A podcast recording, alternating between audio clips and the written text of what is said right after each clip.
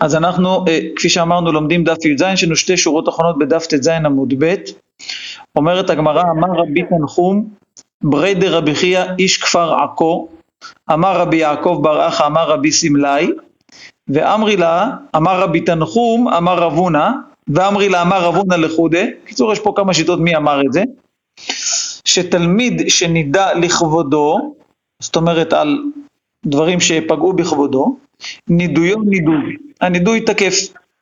דתניא, מאיפה רואים את זה? ראינו בברייתא אתמול שמנודה לרב מנודה לתלמיד, ומנודה לתלמיד אינו מנודה לרב.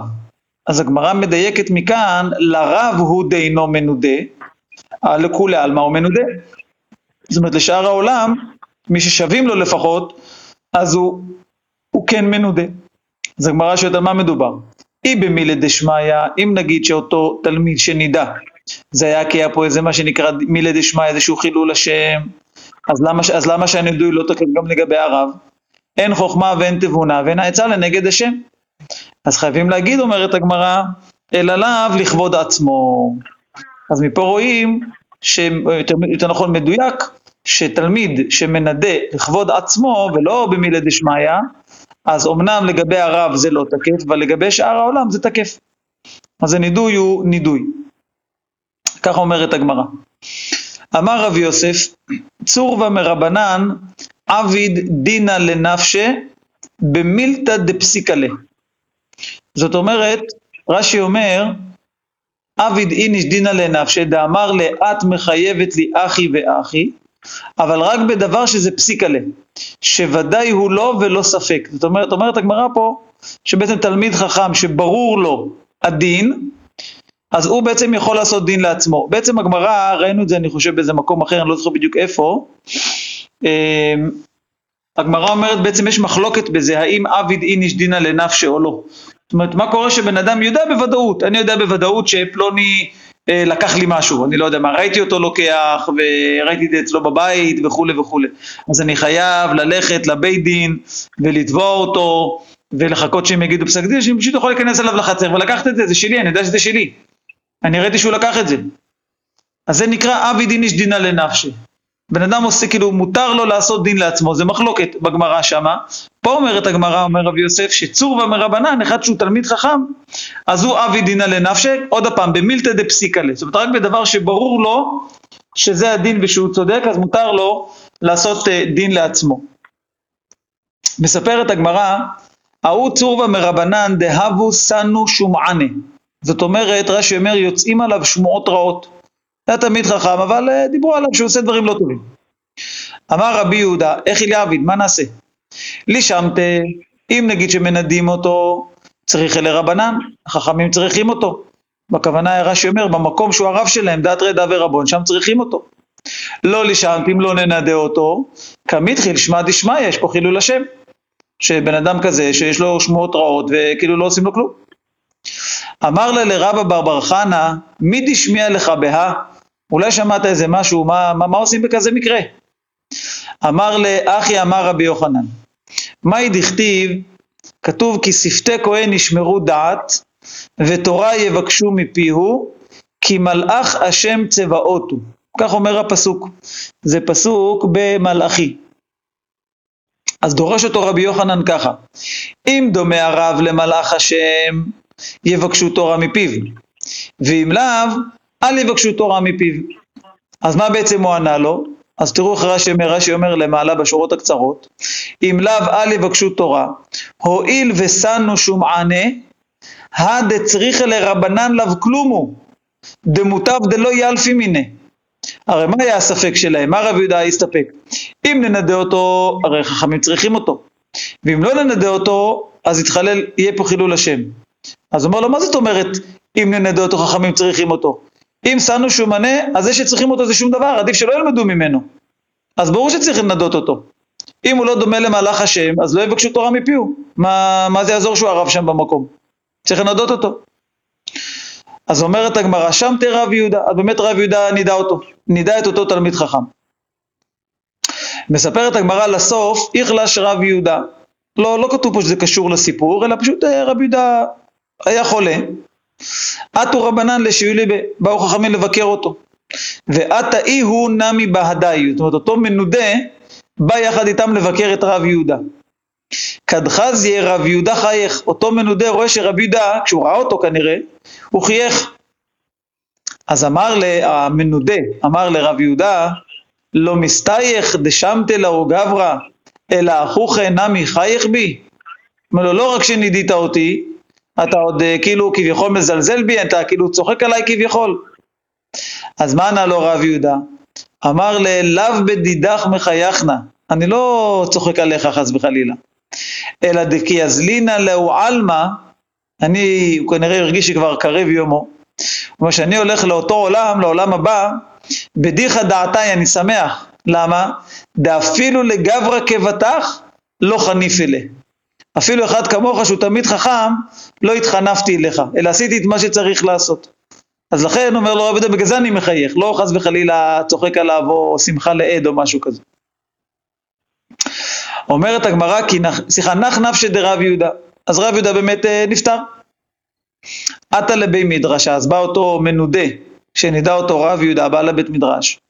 אמר לו, שרו לי, תתירו לי את הנידוי.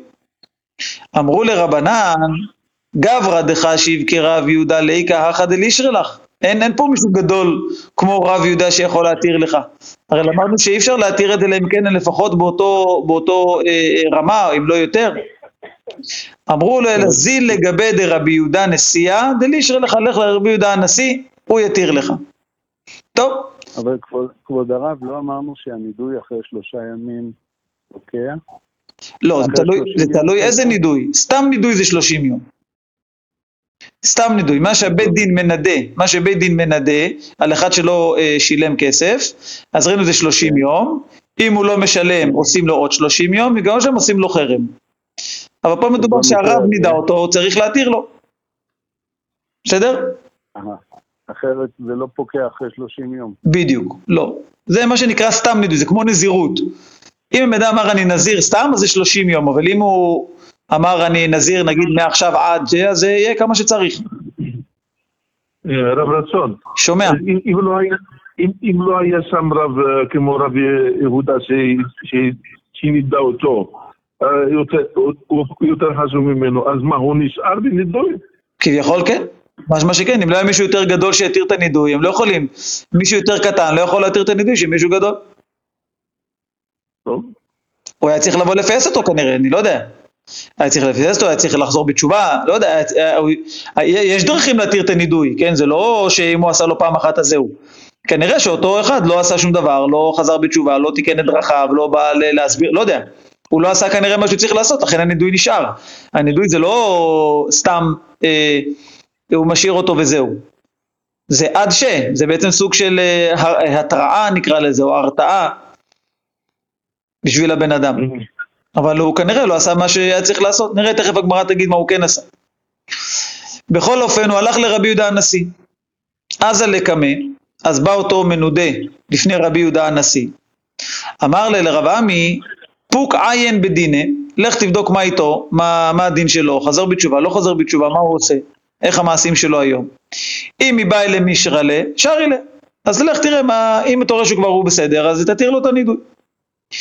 עיין רבי עמי בדינה, אז רבי עמי הלך כנראה, בדק, חקר, בדק מה איתו, סבר למישראלה, אז הוא באמת התכוון להתיר לו.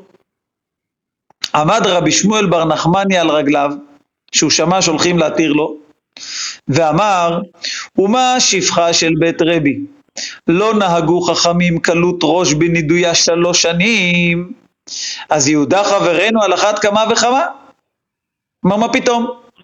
אפילו שפחה של בית רבי שעשתה נידוי, אם אתם זוכרים ראינו שהייתה חכמה לא קטנה, אז לפחות הנידוי שלה היה תקף שלוש שנים, אז, אז, אז רב יהודה, שהיה כנראה מגדולי הדור שם, אז לא, אנחנו נתיר את זה פחות מזה? אז אמר רבי זרע, זה אמר רבי שמואל בר נחמני, אמר רבי זרע, מאי דקמן דעתה הידנא היי סבא בבי מדרשה, דקמה שני לא עתה. כנראה שרבי שמואל בר נחמני היה כבר מבוגר, והרבה שנים הוא כבר לא הגיע לבית המדרש, ופתאום באותו יום הוא הגיע. אז רבי זרע אמר, איך זה שפתאום דווקא היום שבאנו להתיר את הנידוי, פתאום הוא הגיע לפה אחרי כמה שנים שהוא לא הגיע לבית המדרש. שמע מינה לא מבעי למישראלה. כנראה שזה מהשמיים, יש לנו פה סימן שלא צריכים להתיר לו את הנידוי, לאותו אדם. אומרת אמרה לא שרה באמת לא התיר לו, לא התיר לו את הנידוי. מספרת הגמרא, אה, כי נפק, יצא אותו אדם, כי קבחי ואזיל כנראה יצא בוכה משם בבית מדרש, עתה זיבורה ותרקי האמתה, הגיע אה, אה, צירעה ועקצה אותו, עקצה אותו באמה, בשחי והוא נפטר, נפטר אותו, אותו תלמיד חכם. מספרת הגמרא, עילו למערתא דחסידה, העלו אותו למערה של חסידים, ולא קיבלו. למה לא קיבלו? רש"י אומר, דהדרא אחנא למערתא ולא פתחה פיה. הגיע שם נחש, חסם להם את הדרך, לא נתן להם להיכנס למערה של החסידים. העלו למערתא דדיינה וקיבלו, העלו אותו למערה של דיינים, שם קיבלו אותו. רש"י אומר, ראשי בית דין הם כאילו פחות מהחסידים, חסידים עדיפי מינייהו. כן, כמובן שחסידים של הגמרא זה לא מי שלובש שטריימל, כן? חסידים של הגמרא זה חסידים, במלוא מובן המילה. אז אה, אב בית דין, ראשי בית דין זה פחות מחסידים. אז שם הכניסו אותו. הכניסו, במערה הזאת נתנו לו להיכנס. אומרת הגמרא מה הייתה? מה, למה באמת, אה, למה באמת קיבלו אותו באותה מערה של חסידים? הרי כביכול הוא עשה, היו עליו שמועות רעות. מספרת הגמרא, דעבד כרבי אילי. היה לו איזה תכונה טובה, או שהוא חזר בתשובה, או שבאותו זמן שהוא עשה את זה. דעבד כרבי אילי, דתניא. רבי אילי אומר, זה בטח גמרא שאתם מכירים אותה. אם רואה אדם שיצרו מתגבר עליו, ילך למקום שאין מכירים אותו, וילבש שחורים, ויתעטף שחורים, ויעשה מה שליבו חפץ, ואל יחלל שם שמיים בפרהסיה. אז כמובן זה גמרא קצת קשה, כן, להבין את זה כפשוטו, שבן אדם אה, כביכול, אם הוא רואה שהוא לא יכול לא לעשות עבירה, אז מותר לו לעשות עבירה, רק העיקר שלא יהיה חילול השם. אז באמת רש"י פה אומר, שזה מה שרוב המפרשים מביאים, רש"י אומר, מה שליבו חפץ, הכוונה עבירה. והואיל ואין מכירין אותו שם, ליקה חילול השם. זאת אומרת, בפשט של הגמרא משמע, הבן אדם הולך לעשות העבירה בכל מקרה. הוא לא מתגבר על יצרו. אז אומרים, לפחות שלא יהיה לך חילול השם. לפחות תלך למקום שלא יראו אותך. ככה שם בגמרא.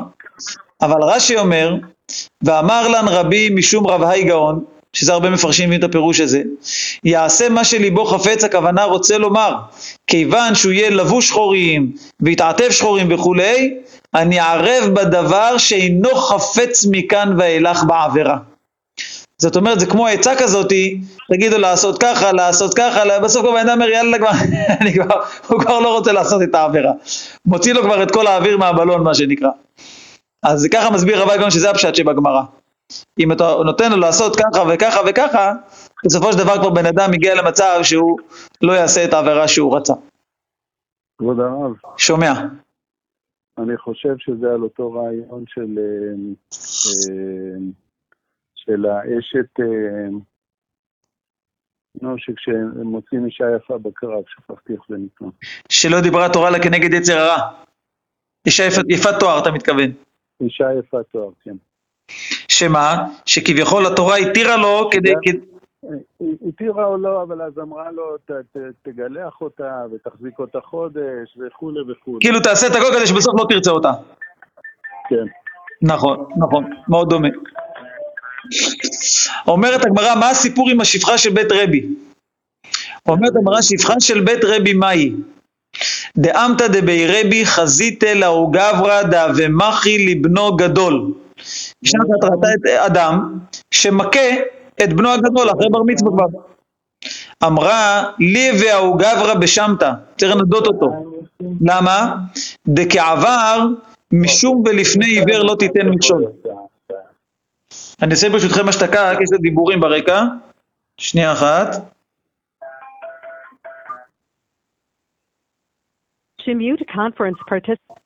בוצעה השתקה לכל המשתתפים. והם יכולים לבטל את ההשתקה בעצמם. כן, אז אני עשיתי השתקה, מי שרוצה לשאול משהו שילחץ כוכבית 6, ואז הוא יפתח את, ה, את ההשתקה בעצם. אז אומרת הגמרא, היא אמרה שהוא עבר לפני עבר לא תיתן מכשול. דתניא, יש ברייתא שאומרת, ולפני עיוור לא תיתן מכשול, במכה לבנו גדול הכתוב מדבר. למה? אומר רש"י, דכיוון דגדול הוא, שמא מבעט באביו, ואב ולאי הוא מכשילו. אם חס וחלילה הבן הזה יהיה קצת אה, חצוף, והוא, יקב, והוא גדול כבר, והוא מקבל מכות מאבא שלו והוא מחזיר לאבא שלו, הוא עובר על מכה אביו עם אמות יומת חס וחלילה. אז יוצא שהאבא מכשיל אותו בזה שהוא נותן לו מכות, זה כבר בן גדול. אז ככה היא אמרה לאותו בן אדם שהיא ראתה אותו שהוא אה, עושה כזה דבר. מספרת הגמרא עוד סיפור, יש לקיש, כן מחילה, רב, כן, לא הבנתי מה קרה בסוף התלמיד שהיה ב- בנידוי. הוא מת, מת? כן, כתוב שהוא יצא מבית המדרש ועקצה אותו אה, צירעה באמתו והוא מת. אה, אה, מה זה הסיפור אחר כך עם הדיינים? מי היה? זה הוא, זה הוא, זה הוא, אותו אחד. אה, אותו אחד, לגבי- כשהוא מת, אותו מנודה, כשהוא מת, אז לקחו אותו למערה של אה, חסידים ולא לא, לא, לא, לא הצליחו להכניס אותו לשם בגלל הנחש, והכניסו אותו למערה של דיינים ושם שם הוא נכנס, קברו אותו שם. אוקיי, אוקיי. והגמרא שואלת למה קיבלו אותו במערה של דיינים, אז היא אומרת כי הוא עשה כמו רבי אילאי שהלבש שחורים וכולי. בגלל שאת זה הוא קיים, אז כאילו, כאילו כביכול הוא חזר בתשובה הוא כביכול. הוא עשה עבירה, אבל ב- לא, לא, החליל לשם. לא חילול השם, בדיוק. בדיוק. אוקיי, תודה. יפה, מספרת הגמרא, ריש לקיש הווה מינתר פרדיסה. היה שומר על פרדס. כן, ריש לקיש, היה שומר פרדס. עתה ההוא גברא, וכאכיל תאנה. בא איזה מישהו, ונכנס לפרדס, מתחיל לאכול תאנים. רמה בקאלה ולא אשגרבה. הוא ריש לקיש צועק עליו, הלו אדוני, פה שדה פרטי, בבקשה לצאת החוצה. לא אשגרבה, לא התייחס אליו. אז אמר ריש לקיש, לי וההוא גברא בשמתא. שאתה אתה צריך להיות בנידוי. אז אמר לה, אותו אחד ענה לריש לקיש, אדרבה, לי וההוא גברא בשמתא, אתה צריך להיות בנידוי, מה אתה מנדה אותי סתם? אם ממון התחייבתי לך, נידוי מין התחייבתי לך? אמר אותו אדם לריש לקיש, אני בנידוי, אתה צריך להיות בנידוי. מה? למה? אני לא... אני אולי חייבתי, התחייבתי לך ממון, אבל לא, לא נידוי. ככה מספרת הגמרא. עתה לבי מדרש, בא ריש לקיש לבית המדרש, סיפר שם לחכמים מה, קר, מה קרה לו, אמרו לו שלא נידוי, שלך אינו נידוי. הנידוי שלו נכון, והנידוי שלך לא, לא נכון. איך זה יכול להיות?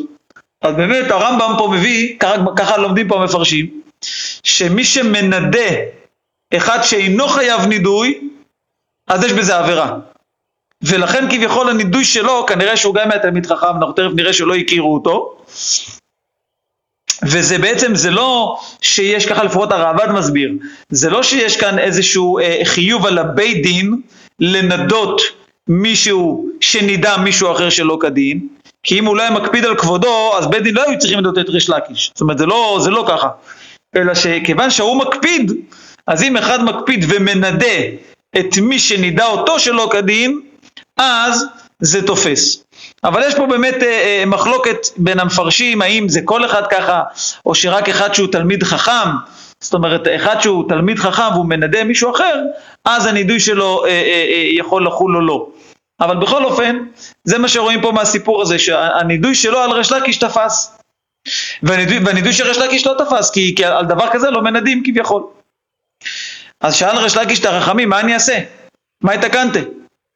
אמרו לו זי לגבי דלישר לך, לך אליו ש... שיתיר לך.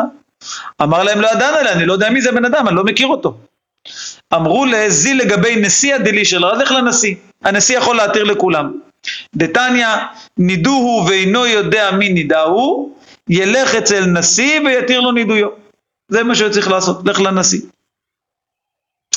מספרת הגמרא, אמר רב הונא, באושה התקינו אב בית דין שסרח, אין מנדין אותו, אלא, אומרים, אלא אומר לו, יכבד ושב בביתך. זה פסוק בעצם במלכים. יכבד ושב בביתך, כן, ככה, ככה צריך לקרוא את זה. תישאר בבית. וזה חולק על ריש לקיש, סליחה לא, אה, דילגתי, אם הוא חזר וסרח, זאת אומרת אם עוד פעם, אז מנדין אותו מפני חילול השם. זאת פעם ראשונה, כיוון שהוא תלמיד חכם, חוששים לכבודו, אומרים לו, שב בבית. כי נידוי זה בדרך כלל דבר שמתפרסם, לא רוצים לפרסם את זה. אבל אם הוא חוזר פעם שנייה, חזר וסרח, מנדין אותו מפני חילול השם. צריך לנדות אותו. אומרת הגמרא, פליגא דרש לקיש, זה חולק, מה שרב הונא אומר, זה חולק על ריש לקיש, כי ריש לקיש סובר שאף פעם לא אה, מנדים אותו בפרהסיה. דאמר ריש לקיש, תלמיד חכם שסרח, אין מנדין אותו בפרהסיה. שנאמר, ואני אקרא את הפסוק נכון, כתוב בהושע, וחשלת היום, וחשל גם נביא עמך לילה, ודמיתי עמך, זה המשך הפסוק. אז הוא דורש ככה, וחשלת היום וחשל גם נביא עמך לילה, הכוונה כסהו כלילה. זאת אומרת לפי ריש לקיש תלמיד חכם אף פעם לא עושים את זה בפרהסיה. יגידו לו כמובן יכבד שבביתך וכולי ויצא אבל לא, לא עושים את זה בפרהסיה. תראו איזה גמרא, תראו דבר מאוד מעניין, הגמרא מספרת, מר זוטרא חסידה, כן היה חסיד, כי מחייב צורבה מרבנן שמתה, אם הוא היה צריך לנדות איזשהו תלמיד חכם, מה היה עושה? היה קודם כל שמתה, סליחה, משמית ברישא משמית נפשה, היה קודם כל עושה נידוי לעצמו, והדר משמת לדידי, ורק אחר כך היה מנדה את התלמיד חכם. כי אביעי אלבוש פזה, כשהיה הולך הביתה, מר זוטרא, שרי ללנפשה, היה מתיר את עצמו, והדר שרי ללדידי. אז למה הוא היה עושה את זה? יש כאן שני טעמים בתוספות האחרון. למה היה קודם כל מנדה את עצמו? אומר קודם כל משום צער שהוא צריך לנדות תלמיד חכם, אומרת, עצם זה שהטילו עליו שהוא צריך עכשיו לנדות תלמיד חכם, הוא היה עושה לעצמו נידוי משום הצער. זה דבר ראשון. ואינמי, אומר תוספות, כדי שיהיה זכור להתיר. שהוא יזכור שהוא צריך להתיר אותו. אז הוא עשה כאילו לעצמו סימן, נדע גם את עצמו. אה, שואל תוספות, אז למה הוא לא התיר לחברו מתחילה? כמו שכתוב, יבוא זכאי ויכפר על החייב, למה קודם הוא התיר את השני ולא התיר לעצמו? אומר, לכך טוב כשיתיר לחברו, שיהיה הוא מותר קודם. אז לכן קודם כל הוא התיר את עצמו, כדי שיבוא זכאי ויכפר על החייב. יש אני חושב עוד אחד המפרשים פה אומר, שהוא עשה את זה כיוון שהוא הגיע הביתה, ובעצם הוא לא רוצה שיהיו מנודים ממנו. אז לפני שהוא נכנס הביתה הוא התיר את עצמו. זה, זה, זה, תראו מה זה מידת חסידות, כאילו, בעצם אמור רק לנדות אותו, איך הוא מחמיר על עצמו ומנדה את עצמו קודם, זה מדהים. זה, זה החסידות האמיתית. אומרת הגמרא, אמר רב גידל, אמר רב, תלמיד חכם מנדה לעצמו ומפר לעצמו. זאת אומרת, הוא, לעצמו הכוונה את עצמו, זה הכוונה. יכול לנדות את עצמו ולהפר לעצמו את הנידוי. עכשיו כמובן, אומרים פה המפרשים, זה רק בדברים שהוא מנדה את עצמו על דברי חסידות, אבל אם באמת מגיע לו נידוי אמיתי, אז הוא לא יכול להפר לעצמו, זאת אומרת אם הבדים מטילים עליו נידוי, לא יכול להפר לעצמו. הכוונה בסיפור כזה, כמו שמר זוטרא, שמילדי חסידות, שהוא מנדה את עצמו, אז הוא יכול גם להתיר את עצמו. אומרת הגמרא, אמר רב פאפא, תיתי לי, כאילו מגיע לי ברכה, נקרא לזה ככה, תיתי לי דלא שמיטה צורבה מרבנן לעולם, מעולם, אני אף פעם לא נידיתי תלמיד חכם. שואלת הגמרא, נו אז, אז מה כן, אבל אם היו תלמידים חכמים באזור שהיה צריך לנדות אותם, אז מה, מה הוא עשה? אלא כי כמחייב צורבה מרבנן שמתא, איך יביד, אז מה, מה כן? אומרת הגמרא קיאדה במערבה מימנו אנגידה דצורבה מרבנן ולא מימנו אשמתא. בארץ ישראל היו מעדיפים לתת מלקות לתלמיד חכם ולא לא לנדות אותו שזה פרהסיה. רש"י אומר מימנו הנגיד המלקות, רש"י ככה למטה בשליש, בשליש התחתון, ומלקות יפה להם יותר משמתא. ו' ומלכילו, ככה היו עושים. שואלת הגמרא, מהי שמתא? מה זה הלשון הזה? שמתא, אמר רב, שם מיתה. כביכול יש פה כמו מיתה, כן, הוא מתרחק עם בן אדם וכולי. ושמואל אמר, שממה יהיה, ומהנה בה כי תחיה בתנורה. רש"י אומר, כמו שומן שטוחים את התנור ונבלע בתוכו שאין יוצא לעולם, השומן אף פעם לא יצא מהדופן של התנור. כלומר, הנידוי מקל לכל מאן דמשמתינא לה דלא נפקא מיניה לעולם, כאילו תמיד משהו מהנידוי כאילו נשאר בבן אדם, ככה אומר שמואל. אומרת הגמרא, וזה פליגא דריש לקיש, חולק על ריש לקיש. דאמר ריש לקיש כשם שנכנסת, אה, כאילו הנידוי, האשמת, כשם שנכנסת ב-248 איברים, כך כשהיא יוצאה, יוצאה מ-248 איברים. אז לפי ריש לקיש היה נידוי, נגמר, זהו, כשנגמר אז זהו, אין, לא, לא נשאר מזה זכר, לא כמו שמואל. והוא מביא לזה גם ראייה. כשהיא נכנסת, דכתיב והייתה העיר חרם, וחרם בגימטריה זה רמ"ח, זה 248. וכשהיא יוצאה, דכתיב ברוגז רחם תזכור, אז גם רחם זה בגימטריה אחי יאהבו. אז נכנסת ל-248 ויוצאת מ-248. אמר רב יוסף, שדי שמתה אגנובה דקלבה ואי היא דידה עבדה. זאת אומרת, אתה יכול אה, אה, להטיל את החרם אפילו על הזנב של הכלב, והחרם יפעל את פעולתו. אז תראו הגמרא, זה לא כך מובן, אבל מהסיפור זה יותר מובן. אומרת הגמרא, דהאו כלבה, דהווה אכיל מסנא דרבנן, ולא אבו קיה דמנו, איזה כלב, כנראה שם באזור של הבית מדרש, כל הזמן אוכל לרבנים את הנעליים. כנראה היו, כשהיו לומדים, כנראה עושים אותם בצד, וכל פעם הנעליים מגיעות קרועות, יש שם איזה כלב שאוכל אותם. ולא אבו קיה דאימנו, לא ידעו מי זה, איזה כלב זה. ושם תולי, עשו לו נידוי. תראו, אפשר להטיל נידוי גם על הכלב. מה קרה? איתלה בנורה בגנובתה ואכלתה. אז הכלב הזה נשרף, נשרף לו הזנב, נתפס לו איזה אש בזנב ושרפה אותו.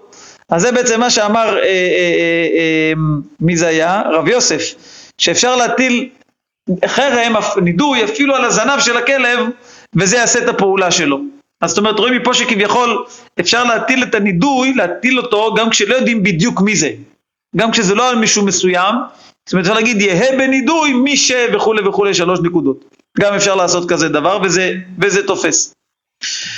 מספרת הגמרא, ההוא הלמה, היה איזה איש אלים, דהווה כמצער ל... להוא צורבה מרבנן. היה איזה תלמיד חכם, ואותו אחד היה מצער אותו. עתה לקמא דרב יוסף, בא לרב יוסף, אותו תלמיד, אותו תלמיד חכם, ישאל אותו, מה אני אעשה עם הבן אדם הזה? אמר לו, זיל שמתה, לך לבית דין, ו... או אתה בעצמך תנדה אותו. אמר לו, מסתפינא מיניה, אני מפחד ממנו. אמר לשקי לפתיחה עלה, לך, לך לבית דין ותוציא כתב, כתב נידוי. אז אמר לו, כל שכן דמסתפינא מיניה, עוד יותר אני, אפחד ממנו אם זה משהו ככה שיתפרסם. אז אמר לו רב יוסף אל תדאג, שקלה אחתה בקדה, לך תיקח את, ה, את, ה, את הכתב שמת מהבית דין, אל, אל תוציא, אל תפרסם את זה. שקלה אחתה, תכניס את זה לתוך כד, אנחנו עוברים לי"ז עמוד ב', עמוד ב', ואחתה בי קברי, שים את זה בבית הקברות במקום שאין שם אנשים, וקרי באלפא שיפורי בארבעים יומים. תתקע על זה ארבעים, אה, סליחה, אלף שופרות, אלף תקיעות בארבעים יום. אז כך הוא עשה. אזיל, אביד הכה, עשה את זה, פקע קדה ומית. הכד התפוצץ ואותו בן אדם הלך לעולמו, בר מינן. זה, ש... זה, זה הסיפור. אומרת המראה, מהי שיפורי, מה, זה, מה, מה הנושא של השופר ולמה תוקעים בשופר? אומרת הגמרא שנפרעים ממנו. זה בא לרמז שנפרעים ממי שלא אה, אה, אה, בעצם חוזר בתשובה, הרי החרם זה כמו שאמרנו, בא לעורר את הבן אדם, להגיד לו אדוני אתה עושה משהו לא בסדר, אתה צריך אה, לחזור, לחזור בך. אז השופר בא, לה, בא לרמז שנפרעים ממנו, הולכים להיפרע ממך. ומהי תו? כן, שומע? שומע? אני יודע, ראיתי, ראיתי שבהרבה לוויות שהמציעים את המת, אז אה, זורקים חרס על הרצפה, הפח נשבר ואנחנו למטה. אה, כן, מי נוהג את זה? מנהג של איזה עדה? אשכנזים, בקהילת ירושלים. אה, כן? ראיתי כמה פעמים, כן, הם זורקים כאילו אה, חרס, חתיכת חרס, הפח נשבר ואנחנו למטה. מתי עושים את זה? בשעת הקבורה עצמה? לא, כשמוצאים את המת מה... אה, כשמוצאים אותו, מתחילים את הלוויה כאילו. שמוצאים אותו להספדים קודם, כאילו אה. מוצאים מהחדר, אה. היה שם שמזהים אותו והכל, ואז מוצאים אותו, ואני רואה כמה פעמים ראיתי את זה, אה, גם בסנהדריה וגם בירושלים, גם. בצורות. עכשיו, לאחרונה לא ראיתי, אבל לא יודע, קיצור משהו כזה. מעניין. טוב. מנהג כזה, מנהג. זה חרס, אבל ממש זה חרס. אומרת הגמרא, מהי תברא? זאת אומרת רש"י אומר, למה עושים גם תקיעה ושברים, למה עושים את זה? אמר רב יצחק ברי דרב יהודה, תברה בתה רמה. זאת אומרת, הדבר הזה, השמטה, הוא משבר בתים גבוהים. כביכול אולי זה מלשון מושאל של, של גאווה, אבל זה בא לרמז שהנידוי יכול לשבור אפילו בתים גבוהים. דתניא אמר רבן שמעון בן גמליאל, כל מקום שנתנו חכמים עיניהם, או מיתה או עוני. נכון, ראינו כמה פעמים בגמרות, נתן בו עיניו והפך אותו לגל של עצמות. אז זה בא לרמז בעצם לבן אדם, למנודה, תדע לך שאם מקפידים עליך, אם עשו לך נידוי, זה לא כדאי, לא כדאי להתעסק מה שנקרא, יכול לקרות בזה דברים לא טובים, יכול להיות מיתה, יכול להיות עוני, זה מה שנקרא שובר בתים גבוהים, אני מאמין שזה בלשון מושאל של אה, משפיל לרמים, מה שנקרא. יפה, אז בעצם סיימנו פה עם הנושא של הנידוי. אנחנו חוזרים למשנה שלנו, במשנה שלנו היה כתוב למי מותר לגלח או לספר כש... אה, במצבים מסוימים במועד, ואחד מה, מהרשימה זה היו אה, מצורע, נזיר ומצורע מטומאתו לטהרתו. כן, כשהם בעצם נטהרים, אז הם צריכים הרי לגלח ביום השמיני, שמביאים את הקורבנות, אז הם צריכים לגלח. אומרת הגמרא, לא סליחה, זה ביום השביעי, ואז מביאים את הקורבנות השמיני. אומרת הגמרא, בא מיני רבי ירמיה מרבי זרע, בשלא היה להם פנאי, או דילמה אף בשהיה להם פנאי. זאת אומרת, מה מדובר פה? האם מדובר פה דווקא כאלה שבאמת נגמר להם היום, ה... נגמרה להם הטומאה בדיוק באמצע חול המועד, ולכן מותר להם לגלח, כי לא היה להם פנאי לגלח קודם, הם עדיין לא עלו מטומאתם, או אולי נגיד אפילו שהיה להם פנאי. יכלו כביכול לגלח קודם במועד, ובכל זאת התירו להם חכמים. אז אומרת הגמרא, אמר לתנינא, זה ברייתא מפורשת. כתוב כל אלו שאמרו מותרים לגלח במועד, בשלא היה להם פנאי. אבל היה להם פנאי אסורים, זה לגבי כל הרשימה, אבל נזיר ומצורע, אף על פי שהיה להם פנאי, מותרים. למה? כביכול, מה, מה, למה? אם יכולת לעשות קודם, אז כביכול בעיה שלך, למה לא עשית? אומרת הגמרא שלא ישהו קורבנותיהן. תכף נראה ברש"י מה הכוונה, כאילו מה. מה, מה הנושא פה, אבל הראינו כזה שסתם בן אדם שחזר מבית האסורים או לא יודע מה, אז אם הוא יכל לגלח קודם והוא לא גילח, אז כביכול זה בעיה שלו, מה אתה רוצה עכשיו להיות יותר מסופר ויותר מסודר במועד, אז אם לא היה לך זמן נתיר לך, ואם היה לך זמן ולא עשית, זה כביכול בעיה שלך. אבל פה יש דבר נוסף, פה אצלם הגילוח זה לא סתם עניין של עכשיו אה, להתייפות, זה סוף של תהליך מסוים של טהרה, שבעצם הם מביאים קורבנות. בסוף התהליך הזה. אז יוצא שאם אני לא אתיר להם לגלח, אני בעצם מעכב את הקורבן שלהם. וזה שיקול שאומרת הברייתא, זה שיקול שהוא מנצח את הנושא הזה של הגילוח במועד. אני רוצה, אפילו שהיה להם פני, אפילו שיכולו לעשות את זה קודם, נכון, הם לא עשו. אבל כיוון שאם עכשיו הבן אדם רוצה, נגיד ביום השני של חול המועד, ואם אני אגיד לו לא ואני לא אתיר לו, אז יוצא שאני בעצם מעכב את הקורבן שלו, ולעכב קורבנות אנחנו לא רוצים. אז השיקול הזה הוא מנצח את הנושא של הגילוח בחול המועד. תראו, זה מה שאומר רש"י, כדי שלא ישבו קורבנותיהן בתגלחתן עד לאחר המועד, לאחר הרגל, דנזיר ומצורע אין מביאים קורבנותיהם עד לאחר הגילוח, כדכתיב באוקראי. היא לכך לא כנסינן להו בדלא עבדה מקמי רגל. לכן אנחנו לא כונסים אותם. באדם רגיל, אז אני כונס אותו, למה לא עשית קודם? עכשיו אתה לא יכול לעשות. אבל אותם, נכון שהם עשו לא בסדר, אבל אני לא רוצה לקנוס אותם כי יצא מזה אה, אה, דבר לא טוב. דזימנין דלא עביד קמי רגל, אומר רש"י, ואם נאסור להם במועד והם יאסרילו במועד, מה זה פה הגעה? אה, ואי אסרינן, זהו ככה צריך לקרוא, ואי אסרינן לו במועד, אם נאסור להם, נמצא שמשין הקורבנות, ואינם קרבים ביום השמיני בזמנם.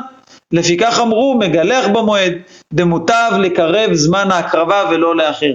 אז כיוון שיש לנו שיקול נוסף, אז לאנשים האלה אנחנו מתירים אפילו שהיה להם פנאי.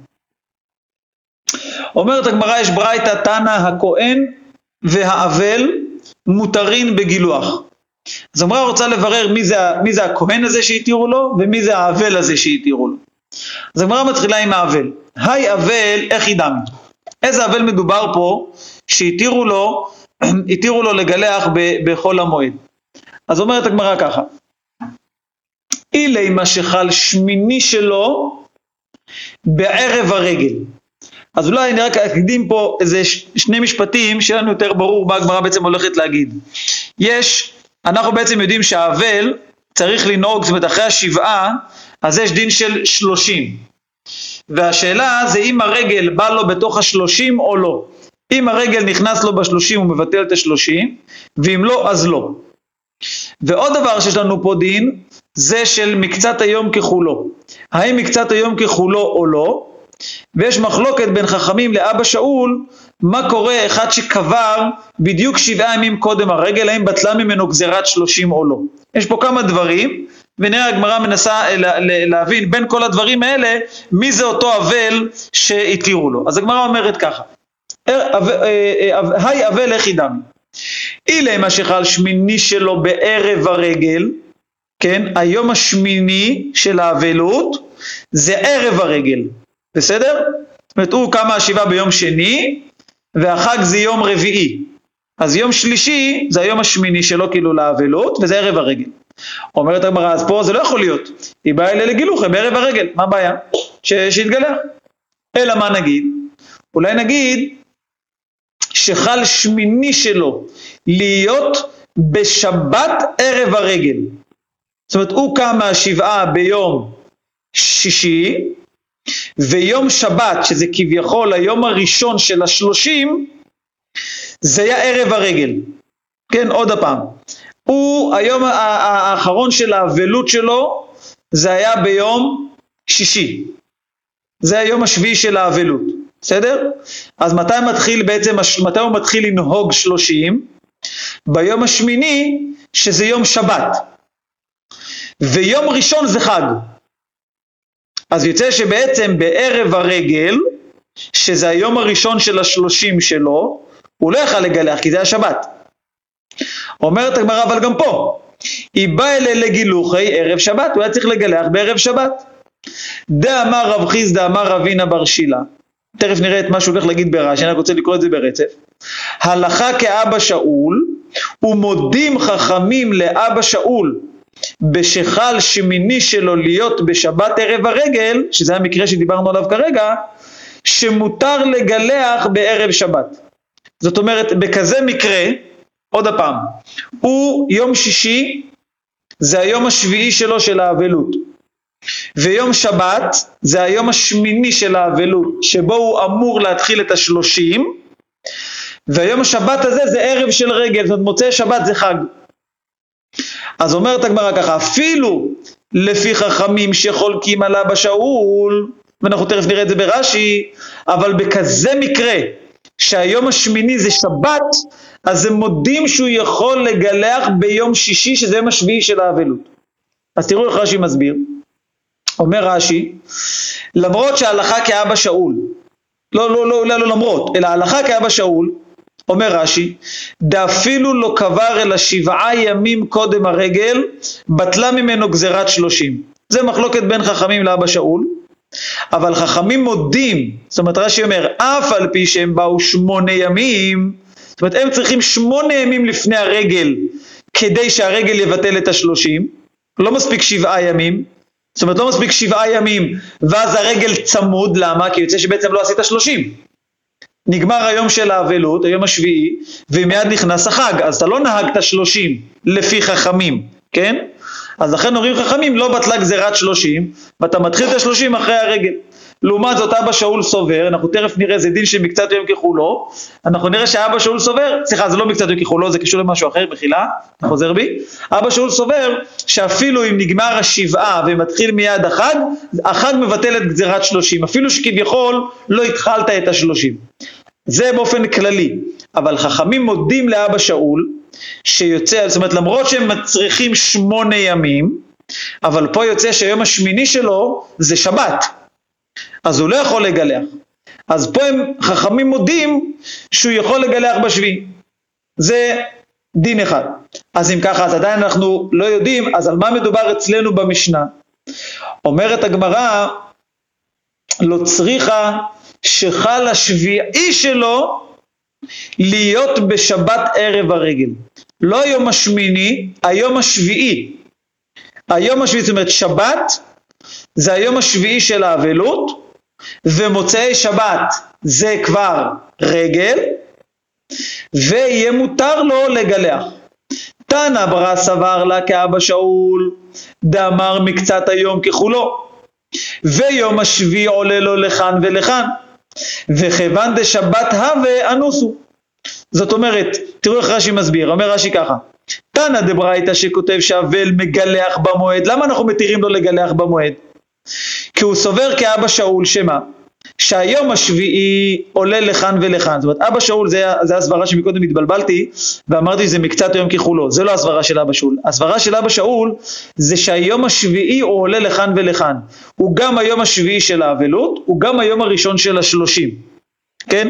אז בן אדם כזה, שהיום השביעי של האבלות שלו, זה יוצא בשבת, שזה ערב של רגל, זאת אומרת מוצאי שבת זה חג, אומר רש"י, אז כיוון שהוא סובר כאבא שאול דיום השביעי עולה לכאן ולכאן, גם לשבעה וגם לשלושים, אז כיוון שכבר התחילו השלושים, הרי החג זה מוצאי שבת, נכון?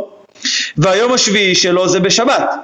ואם אבא שאול סובר שהיום השביעי זה גם היום הראשון של השלושים, אז יוצא שבעצם התחילו השלושים לפני החג. אז מה? אז כביכול היא באה אלה לגילוחי קודם הרגל, הוא בעצם יכל כבר לגלח קודם הרגל, אלא מה? זה השבת, והוא היה אנוס, אז לכן הוא מגלח במועד, לכן ניתרנו לו במועד. אבל תנא דידן, שהוא סובר שאלו מגלחים ברגל ואבל לא מגלח ברגל, למה לא? הוא סבר כרבנן שהם סוברים לא אמרינן מקצת היום ככולו, אלא שבעה שלמים באינן. אז יוצא, אומר רש"י, הכתי לא שאלים אבלות דשבעה קודם הרגל. לא נגמר לו עדיין האבלות לפני שהתחיל הרגל, אז הוא לא נקרא אנוס ממילא, זאת אומרת, לא, לא בתחיל, בכלל לא התחילו השלושים. ואפילו לא בשבת לא אבי מצי מגלח, הוא לא יכל. לאחי אינו מגלח במועד. זאת אומרת, הוא לא נקרא אחד שיכל לגלח קודם, אבל הוא היה אנוס ולכן אנחנו נתיר לו. אלא הוא אחד שבכלל לא יכל לגלח קודם. אז לכן, לא, בגלל שלא התחילו השלושים בכלל, אז אנחנו לא נותנים לו לגלח במועד. זו המחלוקת בעצם. אני חושב שקראתי את הכל, אם לא אני אקרא את זה שוב בתוך הגמרא. אומרת הגמרא, תנא ברא סבר לה כאבא שאול, דאמר מקצת היום ככולו, ויום השביעי עולה לו לכאן ולכאן. וכיוון דשבת הווה, אנוסו. לעומת זאת, תנא דידן סבר לה כרבנן דאמרי לא אמרין על מקצת היום ככולו, והקתי לא שאלים אבלות דשבעה, עדיין לא נגמרה אבלות של השבעה, ולכן הוא לא יכול לגלח במועד. זה לגבי אבל. שואלת הגמרא, היי כהן נכי דמי, מה זה הכהן הזה שהתנא של הברייתא מתיר לו לגלח במועד? אומרת הגמרא, איך דמי, באיזה מציאות מדובר? אילימה דשלים משמרתו ערב הרגל כן המשמרת שלו נגמרה, אז היא באה אלה לגילוחי ערב הרגל, אבל צריך לגלח קודם. אומרת הגמרא לא צריכה דשלי משמרתו ברגל, המשמרת שלו נגמרת ברגל עצמו. אז אומרת הגמרא, תנא דידן סבר, כיוון דתנן, למדנו את זה במסכת סוכה, כיוון דתנן, בשלושה פרקים בשנה היו כל המשמרות שוות באמורי הרגלים ובחילוק לחם הפנים, אז נכון שהמשמרת שלו נגמרה קודם הרגל, אבל כיוון שברגלים כל הכהנים שווים לגבי הימורי רגלים וחילוק לחם הפנים, אז זה כמאן דלא שאלי משמרתו ברגל, זה לא, לא, לא נגמרה עדיין המשמרת. לכן התנא שלנו סובר שהוא לא יכול לגלח במועד. אבל תנא ברא סבר אף על גב דו שייך בהנח משמרות. נכון שיש לו דין של חילוק לחם הפנים, ונכון שיש לו דין של הימורים וכולי, אבל משמרתם יש לי, אבל המשמרת שלו נגמרה. אז מבחינתו, הוא היה צריך לגלח לפני כן, הוא יכל כבר לגלח. תראו איך רש"י מסביר. אומר רש"י ככה, אם נגיד דשלי משמרתו ערב הרגל, הכוונה בשבת, כי תמיד המשמרות נגמרות בשבת, אז. אז הגמרא אמרה, אז הוא היה צריך לגלח קודם. היה צריך לגלח בערב הרגל. אלא מה? רש"י אומר, כלומר, בערב שבת, שהוא בעצם ערב הרגל, כי ראינו שאנשי משמר אסורים בגילוח, אבל בחמישים מותרים מפני כבוד השבת, אז הוא יוכל לעשות את זה קודם. אלא מה צריך להגיד? דשלי משמרה ברגל, אומר רש"י, כגון, דעה ויום חמישי לדוגמה, זה היום הראשון של הרגל. אז הוא לא מציע לגלח, אי אפשר ביום חמישי, כי זה יום טוב. ומתי נגמרת המשמרת שלו? בשבת, שזה בעצם יום השלישי של הרגל. המשמרת שלו נגמרת ברגל עצמו, ולפני הרגל הוא לא יכול לגלח.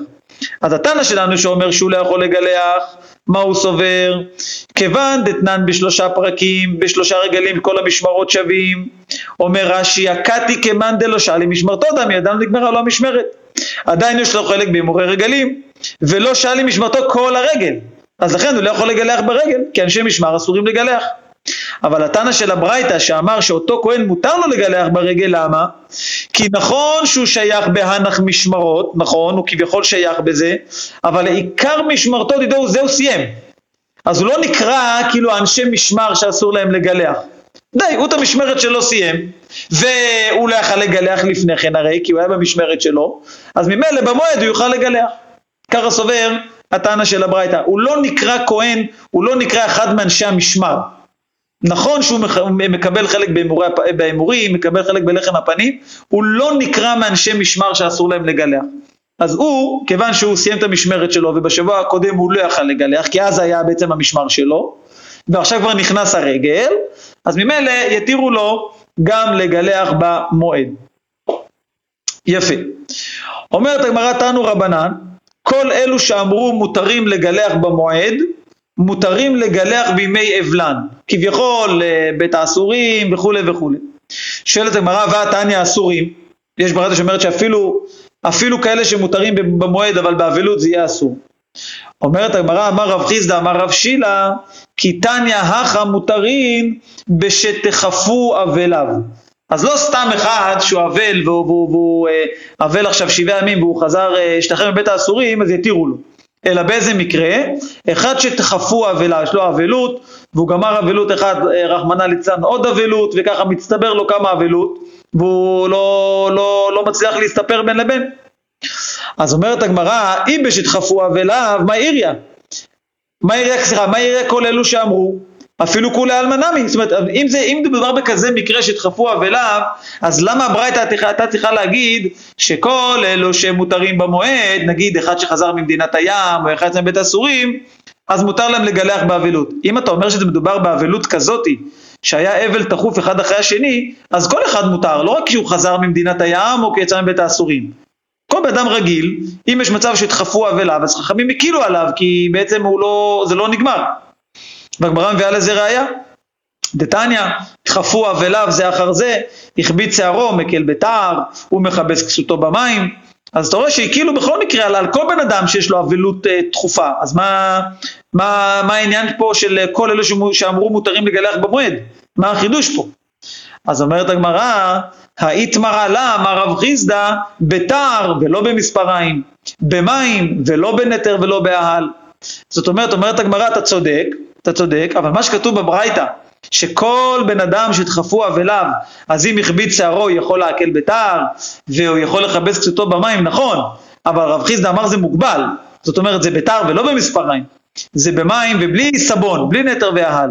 אבל במקרה כזה שהוא גם מתווסף לו, יש לו עוד איזושהי בעיה שהוא כמו אלה שמותר להם לגלח במועד, הוא גם חזר ממדינת הים, או הוא גם, הוא יהיה לו עוד משהו, עוד סיבה, אז אצלו גם מותר את הדברים האלה, כביכול התירו יותר, התירו לו גם את המספריים, התירו לו גם את הסבון.